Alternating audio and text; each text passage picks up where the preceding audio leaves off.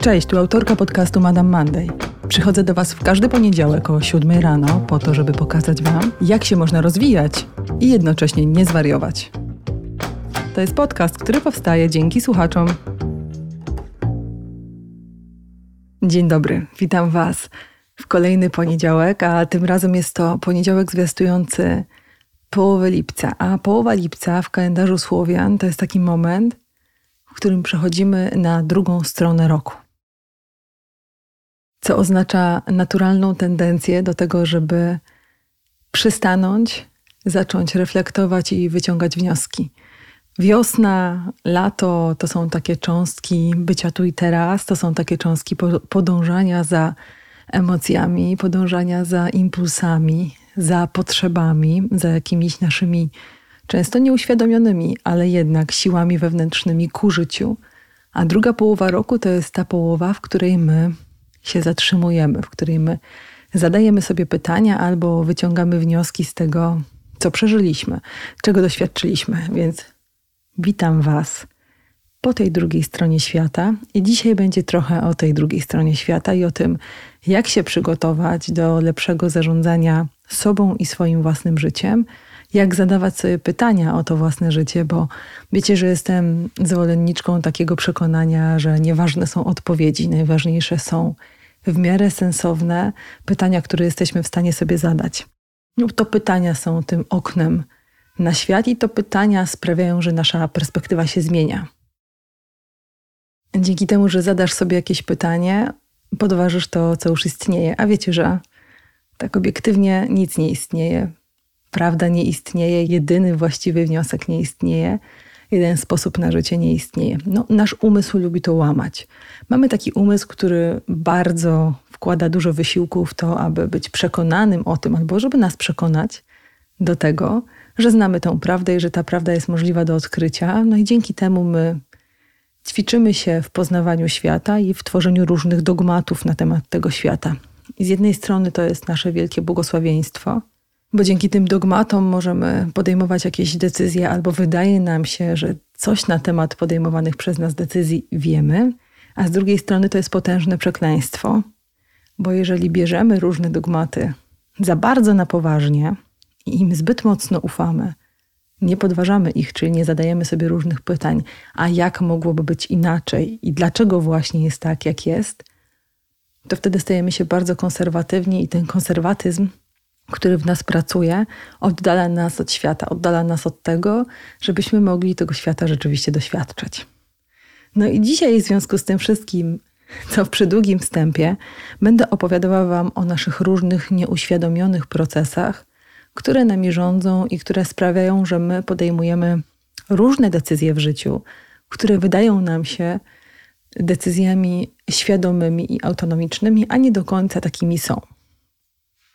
Zanim jednak do tego przejdę, to chciałam Wam jeszcze raz podziękować za to, że jesteście i za to, że Madame Monday słuchacie i za to, że ją wspieracie na moim profilu na Patronajcie finansowo, bo dzięki temu mogę po prostu tworzyć ten podcast, nie martwiąc się o kasę na montaż, na książki i na czas ludzi, którzy pomagają mi w tworzeniu tego strumienia komunikacji z Wami. Dziękuję jeszcze raz i kłaniam Wam się bardzo nisko jeżeli możecie, to poświęćcie 30 sekund na to, żeby ocenić ten podcast na Spotify'u, no i żeby zalajkować mój profil na Instagramie Psychologio Anna Flis i na Facebooku, gdzie różne fajne rzeczy się dzieją. To dzisiaj w takim razie opowiem Wam o iluzjach emocjonalnych, którym ulegamy. Iluzje emocjonalne to jest bardzo ważny aspekt naszego funkcjonowania i naszego rozumienia uczuć i odczuć, którymi się kierujemy w życiu bardzo duża część e, psychoedukacji w internecie, w radiu, w telewizji czy w książkach, po które sięgacie, dotyczy tego, żeby zbliżyć się trochę do części emocjonalnej swojego doświadczenia świata. No, trzeba przyznać dość mocno, że nasze pokolenie stoi rozumowaniem, stoi intelektem, stoi wglądami. Ja bardzo często Wam powtarzam, że sam wgląd nie leczy. No i to jest prawda, to, że ja coś rozumiem, to nie znaczy, że albo że wiem skąd to się bierze, to nie znaczy, że to nie zbiera żniw w moim życiu, no bo to by znaczyło, że każdy psycholog, który przerobił większość teorii psychologicznych nie zmaga się z żadnym zaburzeniem psychicznym w swoim życiu, albo z żadnymi problemami emocjonalnymi, albo życiowymi, a to nie jest prawda. Więc wgląd nie leczy, w związku z tym bardzo często podpowiadam Wam, że musicie zbliżyć się do swojego ciała emocjonalnego i zapytać siebie, co czujecie, co myślicie o tym, co się dzieje, ale też co w związku z tym przeżywacie, co odczuwacie. I to jest jakaś część prawdy, że emocje są nam strasznie przydatne. Na przykład, kiedy czujesz lęk, to nieświadomie, ale będziesz bardziej monitorować środowisko, w którym przebywasz, więc istnieje wyższe prawdopodobieństwo, że unikniesz jakiegoś zranienia albo jakiejś krzywdy. Więc emocje mają bardzo duże znaczenie. Czasem też mają potężne znaczenie, kiedy mamy dotknąć własnych potrzeb, bo to emocje są tym pierwszym stanem, który nas informuje o tym, że jakaś nasza potrzeba aktualnie nie jest zaspokojona albo jest w jakiś sposób sfrustrowana, lub nasze granice w jakiś sposób są przekraczane, albo niewystarczająco je ustanawiamy i po prostu czujemy wewnętrzną niewygodę, napięcie, ból. Pamiętacie, jak opowiadałam Wam o tym, że dziecko najpierw czuje jedynie napięcie, a dzięki temu, że rodzic się tym dzieckiem opiekuje, to ono zaczyna uczyć się, że to napięcie oznacza jakąś potrzebę, czyli to, co czułam, czego doświadczałam, to był głód, a to, co dziś czułam i w tej chwili czułam, to była senność. Dzięki temu, że rodzic jest responsywny, empatyczny i dostępny, młody człowiek uczy się różnicować napięcie na emocje, a te na potrzeby, a potem uczy się zaspokajać te potrzeby. I to jest jakaś część prawdy. Najczęściej, kiedy mówicie o emocjach, to mówicie w taki sposób: czuję smutek, to znaczy, że coś utraciłam. Albo czuję miłość, to znaczy, że w kimś się zakochałam, ktoś jest fascynujący. Albo czuję smutek i dlatego płaczę, albo czuję złość i dlatego się trzęsę i zaciskam pięści, albo czuję strach, wstyd i dlatego się czerwienie. No i w tym miejscu się zatrzymamy i sobie pomyślimy, czy rzeczywiście kolejność przeżywania emocji jest właśnie taka. W pewnym sensie, myśląc o tym, że interpretujemy świat, który nas otacza dzięki emocjom, które przeżywamy, ulegamy takiej iluzji, że najpierw jest nasza ocena i proces poznawczy, czyli najpierw oceniam coś jako zagrażające, a potem na podstawie tej oceny moje ciało reaguje, czyli zaczyna się spinać. Ta iluzja jest jedną z takich najważniejszych iluzji, którym my ulegamy, czyli jest iluzją przekonania o tym, że to ja tu rządzę i to ja tutaj wybieram w tej mojej części bardzo świadomej, na co w jaki sposób zareaguję.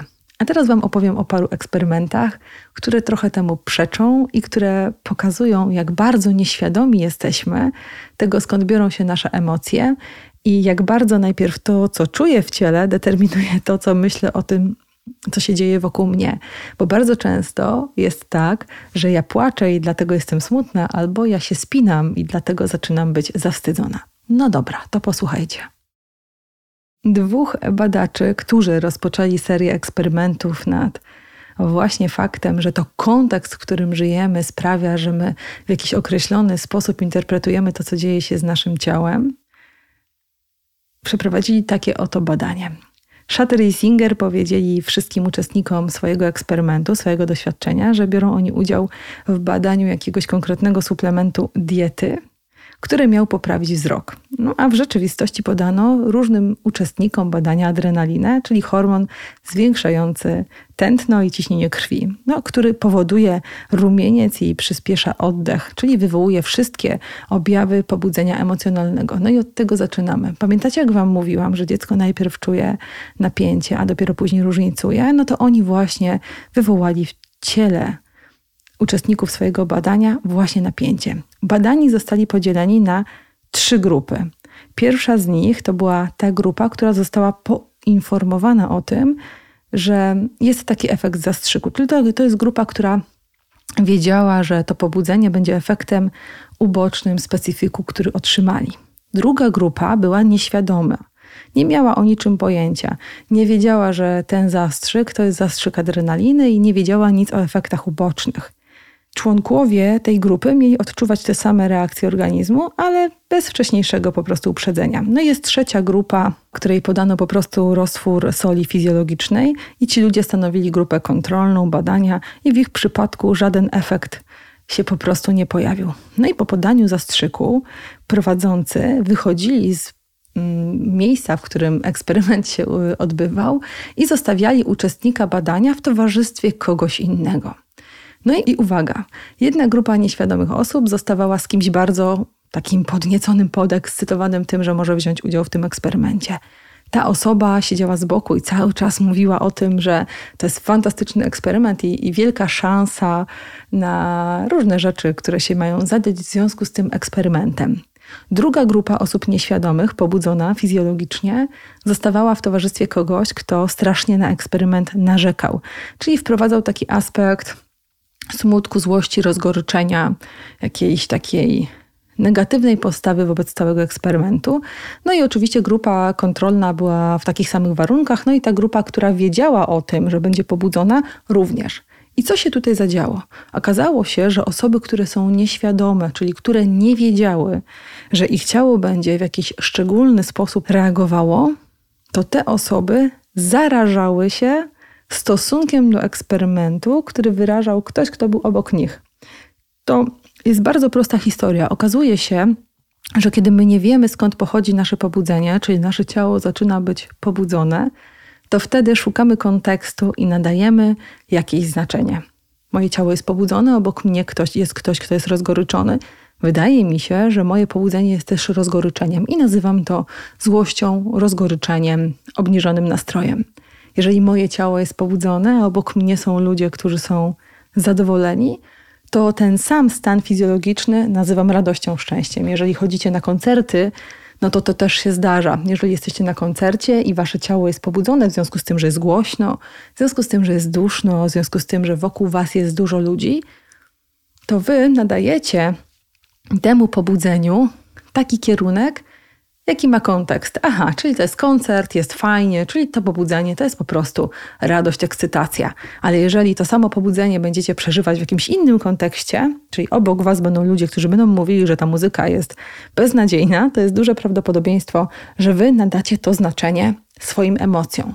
No i to jest iluzja emocjonalna, jeden z przykładów iluzji emocjonalnych. Wielu badaczy prowadziło potem jeszcze bardzo dużo badań na temat iluzji emocjonalnej, pokazując, że my najpierw czujemy nasze ciało, a potem próbujemy temu nadać jakiś kierunek.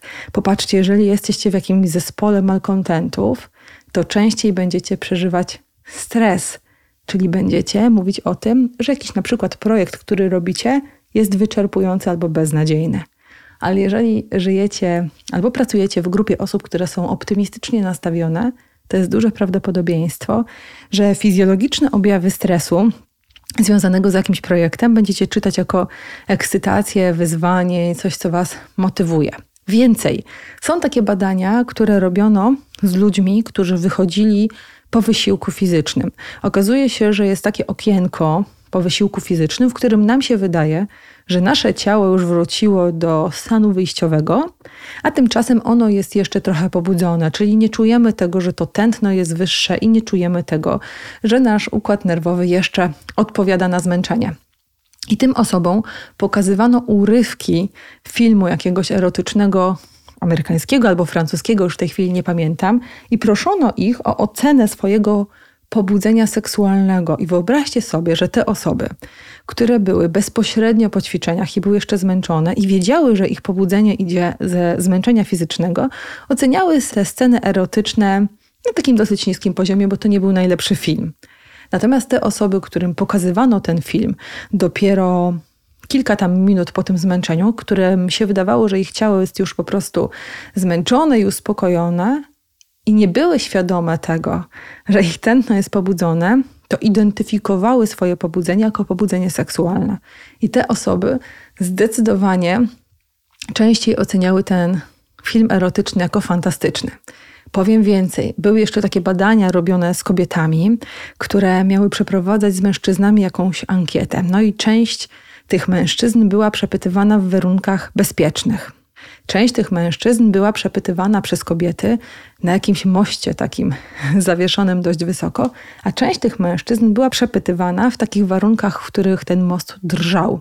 No i te kobiety dawały tym mężczyznom swoje wizytówki, gdyby oni mieli jeszcze jakieś wątpliwości. Oczywiście chodziło o to, czy mężczyznom te kobiety się spodobają i czy zechcą mężczyźni nawiązać kontakt. No i okazuje się, zgodnie z tymi badaniami, że ci mężczyźni, którzy byli na moście chwiejącym się, takim, który budził u nich wysoki stopień pobudzenia, w towarzystwie atrakcyjnej kobiety, dużo częściej przypisywali to swoje pobudzenie faktowi, że się właśnie zauroczyli tą kobietą. Czyli w tej grupie osób dużo większa, znacznie większa część mężczyzn korzystała z tej wizytówki. Tam chyba było 9 na 18, ale nie chcę Was teraz wprowadzić w błąd. Natomiast to była znacząca, naprawdę rażąca jest znacząca różnica. To trochę pokazuje, że nasze pobudzenie fizjologiczne jest pierwsze, że nasze ciało reaguje zanim my nadamy tej reakcji jakieś znaczenie.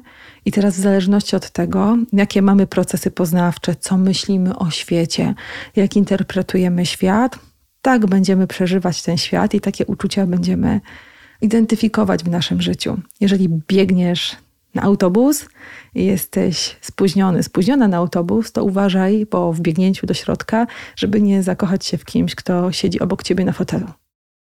Te przykłady, o których Wam opowiedziałam, bardzo mocno sugerują, że my bardzo często nie rozumiemy własnych uczuć i nie wiemy, co czujemy, że bardzo mocny i duży wpływ na nasze przeżywanie świata ma to, w jaki sposób zarządzamy swoim napięciem. Często w trakcie praktyki jogi, jogini mówią wycisz swoje ciało i wycisz swój umysł. I to jest bardzo ważna lekcja, bo jeżeli idziesz na jakieś ważne spotkanie i biegniesz na nie i masz pobudzenie fizyczne, to jest duże prawdopodobieństwo, że w trakcie tego spotkania będziesz to pobudzenie interpretować jako złość, jako stres, jako wstyd albo jako, jako, nadmierny optymizm. Jest bardzo dużo badań, które pokazują, że wtedy, kiedy jesteśmy zmęczeni, to potrafimy dużo bardziej hura optymistycznie oceniać różne propozycje, albo wtedy, kiedy jesteśmy właśnie fizjologicznie pobudzeni, to jesteśmy częściej skorzy do tego, aby się kłócić, aby się spinać, aby czuć się niekomfortowo w relacji z innymi. Bardzo często jesteśmy mocno przekonani o tym, że doskonale rozumiemy swoje emocje, a co więcej, jak ktoś nas zapyta o to, dlaczego czujemy się w określony sposób, to odpowiadamy takiej osobie po jakimś niedługim namyśle, podając jej konkretne powody. No i skąd to bierzemy, skoro to, co czujemy, nie jest tym, co nam się wydaje? Otóż najczęściej jest tak, że wymyślamy sobie te powody. No i co to dla nas oznacza? To oznacza, że w dużym stopniu nie mamy dostępu do naszych emocji, że to, co przeżywamy w relacji z innymi ludźmi, co przeżywamy w naszym życiu, to w jaki sposób interpretujemy nasze położenie, bardzo mocno zależy od naszej mapy świata. Jeżeli masz optymistyczną mapę świata i tendencję ku temu, żeby różne swoje pobudzenia z ciała interpretować jako sprzyjające tobie albo innym, to tak będzie. Ale jeżeli masz tendencję do tego, aby różne swoje pobudzenia z ciała interpretować jako zagrażające tobie i innym, to też tak będzie. Dzieje się tutaj jeszcze trochę innych rzeczy, bo to, o czym Wam opowiadam, czyli te iluzje emocjonalne, pokazują nam, że jeżeli mnie mój partner codziennie irytuje, albo mój partner mnie codziennie nudzi, albo świetnie się przy kimś czuję i bardzo dobrze się z tą osobą bawię, bardzo mocno zależy od tego, jakie mam przekonania na temat tej relacji i jakie mam założenia na temat tej relacji i jakie iluzje na temat mojego własnego pobudzenia wchodzą w zakres mojej interpretacji. To znaczy, że dużą część naszego życia emocjonalnego zawdzięczamy naszym nastawieniom. Jeżeli kogoś nie lubimy i spacerujemy z tą osobą, to pobudzenie z ciała będziemy interpretować jako wkurw. A jeżeli kogoś bardzo lubimy, to nawet największe zmęczenie w trakcie trekkingu jakiegoś, nie wiem, na Anapurnę zidentyfikujemy jako po prostu radość z bycia razem. No i tu dochodzimy do nieświadomych procesów emocjonalnych i motywacyjnych, bo jeżeli wchodzisz na przykład na matę albo idziesz biegać z takim założeniem, że to lubisz i że to poprawia ci nastrój, to twoje pobudzenie fizjologiczne będzie przez ciebie interpretowane jako adrenalinowy strzał. Czyli będziesz mieć po prostu radochę na koniec sportu. Ale jeżeli zakładasz, że nie lubisz biegać, nie lubisz ćwiczyć i nie lubisz ruchu fizycznego, to twoje pobudzenie fizyczne będzie przez ciebie interpretowane jako coś nieprzyjemnego, coś bolesnego, coś bardzo, bardzo trudnego i coś, czego ty powtarzać nie chcesz. Szybciutko jeszcze o innym takim eksperymencie, który pięknie pokazuje to, w jaki sposób my sobie wymyślamy, co czujemy. W każdej dłoni pewien naukowiec trzymał zdjęcie kobiety twarzy wielkości mniej więcej karty do gry. Ten naukowiec poprosił uczestników badania o wskazanie osoby bardziej atrakcyjnej, a następnie obracał oba przodem do stołu i przesuwał wybrane w stronę uczestnika. Potem brał dwa kolejne zdjęcia i powtarzał procedurę. No i zdjęć miał kilkanaście par. Haczyk tkwił w tym, które z nich przekazywał swoim badanym. Przed przesunięciem fotografii w stronę oceniającego, w tajemnicy ten naukowiec podmieniał jej i w rzeczywistości pokazywał badanemu zdjęcie osoby, którą ten uznał za mniej atrakcyjną. No i uczestnicy eksperymentu przejrzeli ten podstęp w zaledwie jednej czwartej przypadku, natomiast naprawdę interesujące jest to, co działo się w pozostałych trzech czwartych przypadków. Gdy dokonujących oceny poproszono o uzasadnienie, dlaczego podoba im się właśnie ta twarz, która w rzeczywistości wcale im się nie podobała, Mówili wtedy, ona promienieje, wolałbym podejść do niej w barze niż do tej drugiej, albo podobają mi się jej kolczyki, albo też wygląda jak moja ciotka, bądź wygląda na sympatyczniejszą niż ta poprzednia. Raz za razem wszyscy uczestnicy badania podawali uzasadnione powody, ekscytowania się twarzą, która w rzeczywistości wcale im się nie podobała. To trochę pokazuje, że jeżeli w jakiś sposób się nastawimy, no to tak też czujemy. Jeżeli jesteśmy pozytywnie nastawieni do swojego życia, do swoich dzieci, do swoich związków, do swojej pracy, to jesteśmy w stanie sobie to opowiedzieć. Jesteśmy w stanie się na to sfokusować. Jeżeli zaś jesteśmy negatywistycznie nastawieni do wszystkiego tego, co Wam wymieniłam, no to takie też będzie nasze życie. Ten eksperyment, o którym Wam mówiłam, powtarzany był jeszcze w supermarkecie na podstawie dżemów. I dżemy również ludzie e, pięknie opisywali jako te, które smakują im bardziej, chociaż eksperymentator podsuwał im w ostatecznym etapie eksperymentu ten dżem, który najbardziej im nie smakował i dokładnie działo się to samo. To po pierwsze oznacza, że my chcemy mieć rację, a po drugie to oznacza, że poszukujemy takiej zgodności pomiędzy tym, co czujemy i tym, co myślimy.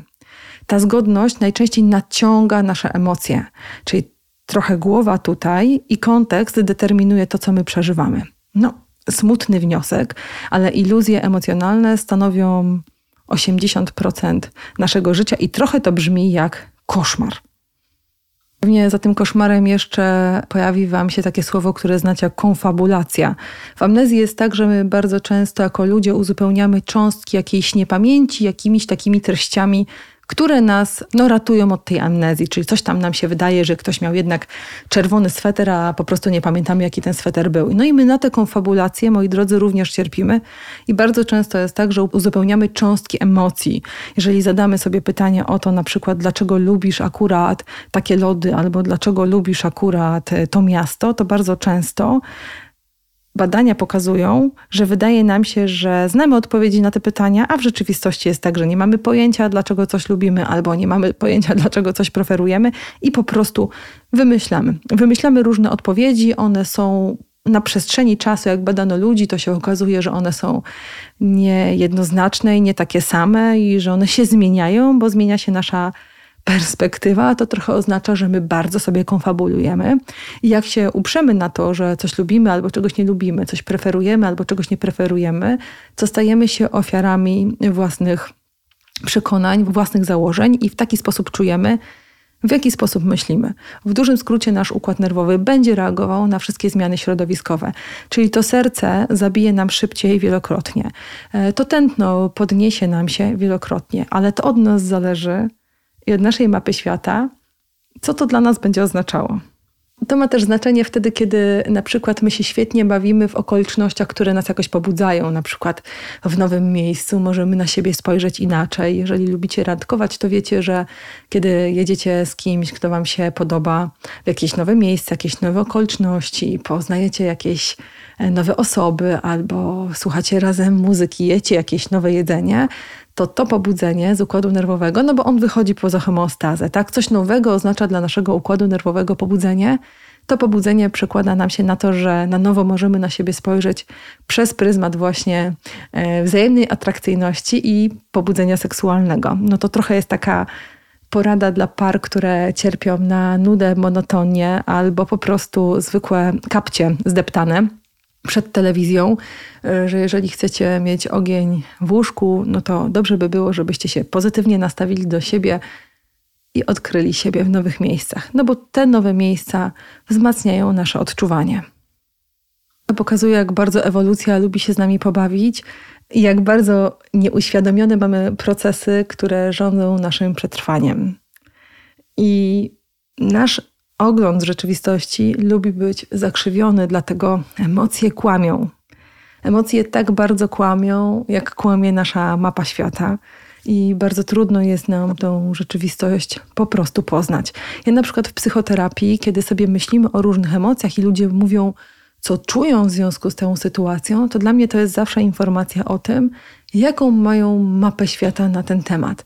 No bo możesz iść na dyskotekę ze swoim partnerem jak masz lat 20, no możesz też iść jak masz 40, no ale możesz iść na jakąś fajną imprezę ze swoim facetem i możesz popatrzeć na niego, kiedy tańczy z jakąś inną kobietą i poczuć zazdrość, kiedy twoja mapa świata jest pełna przekonań o tym, że on może ciebie porzucić albo że ktoś może być dla niego bardziej atrakcyjny, ale możesz też poczuć podniecenie wtedy, kiedy pomyślisz sobie o tym, że on jest seksowny i że wiele pań jest nim zainteresowanych. No to zależy, co tam w głowie masz, dlatego jesteśmy trochę ofiarami swoich własnych przekonań na temat tego, co wolno, czego nie wolno i co, jak powinniśmy przeżywać. Bardzo często ludzie mówią, no ale co ja powinnam w tej sytuacji czuć? To trochę jest blisko tego, co ja powinnam na ten temat myśleć, Iluzje emocjonalne to jest właśnie rzecz, którą, którą chciałam Was uwrażliwić, żebyście trochę spojrzeli na swoją emocjonalność przez pryzmat takiego fejku. Tak? Jeżeli mamy jakieś zaburzenia psychiczne, zaburzenia lękowe, no to bardzo często wiecie o tym, że ten lęk kłamie, prowadzi Was w jakieś specyficzne miejsce i że nie wszystkim emocjom możemy ufać i nie wszystkie mają znaczenie. A jeżeli chcesz poznać siebie, to poznaj sposób, w jaki ty te emocje odczytujesz. Poznaj sposób, w jaki ty temu swojemu pobudzeniu nadajesz interpretację. Wtedy poznasz siebie. Moi drodzy, wśród nieuświadomionych cząstek związanych z emocjonalnością jest jeszcze bardzo ważny aspekt związany z tym, że my nadajemy takie znaczenia swoim pobudzeniom, na ile nam nasz język na to pozwala. Czyli jeżeli masz bardzo wąski, taki językowy repertuar emocji, uczuć i nastrojów albo efektów, no to wtedy to jest bardzo trudne, żeby nasza rzeczywistość była dość mocno zróżnicowana.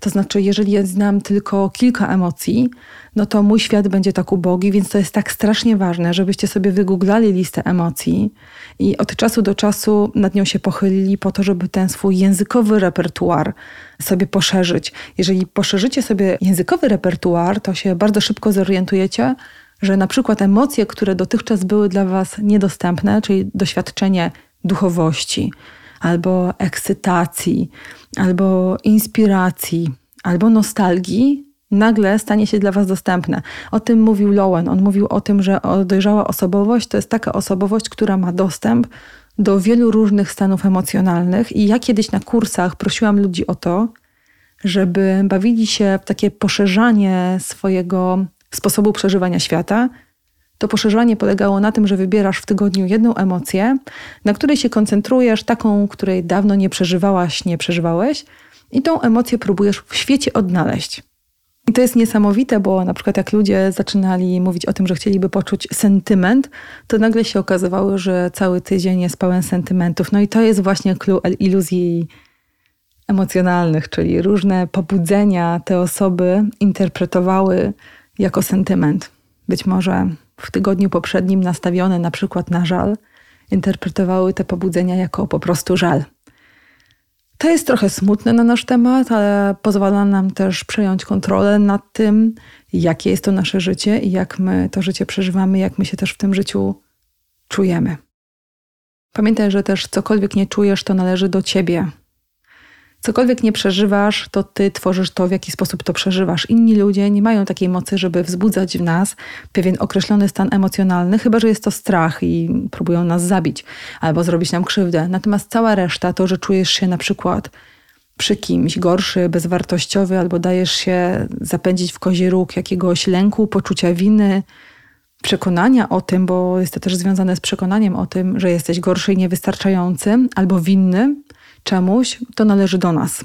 Każda emocja i to, co z nią robisz, należy do ciebie i w tym momencie, kiedy już rozumiesz, czym są iluzje emocjonalne, no też nie możesz przerzucać odpowiedzialności na drugą stronę. Nie ma takiej możliwości, żeby obwiniać cały świat za swoje emocje, bo one są tak samo jak przekonania czymś totalnie naszym. Dlatego tak bardzo różnimy się między sobą, międzykulturowo i te międzykulturowe różnice pokazują, jak duży wpływ mamy na to, jak przeżywamy świat. I tym miłym akcentem na temat iluzji emocjonalnych, słuchajcie, życzę Wam wszystkiego dobrego w tym tygodniu. Mam nadzieję, że przyjrzycie się sobie bardzo aktywnie i że no, dacie sobie szansę na to, żeby troszeczkę podecydować o tym, co chcecie czuć w związku z jakąś konkretną sytuacją, no bo na tym właśnie polega prawdziwa wolność. A ja Wam polecam książkę Leonarda Modlinowa Nieświadomy mózg, która jest naprawdę fantastycznym poradnikiem, no i taką książką popularno-naukową na temat tego, jak my sobie w życiu z naszym mózgiem i relacją z nim po prostu radzimy. Trzymajcie się, życzę Wam wszystkiego dobrego.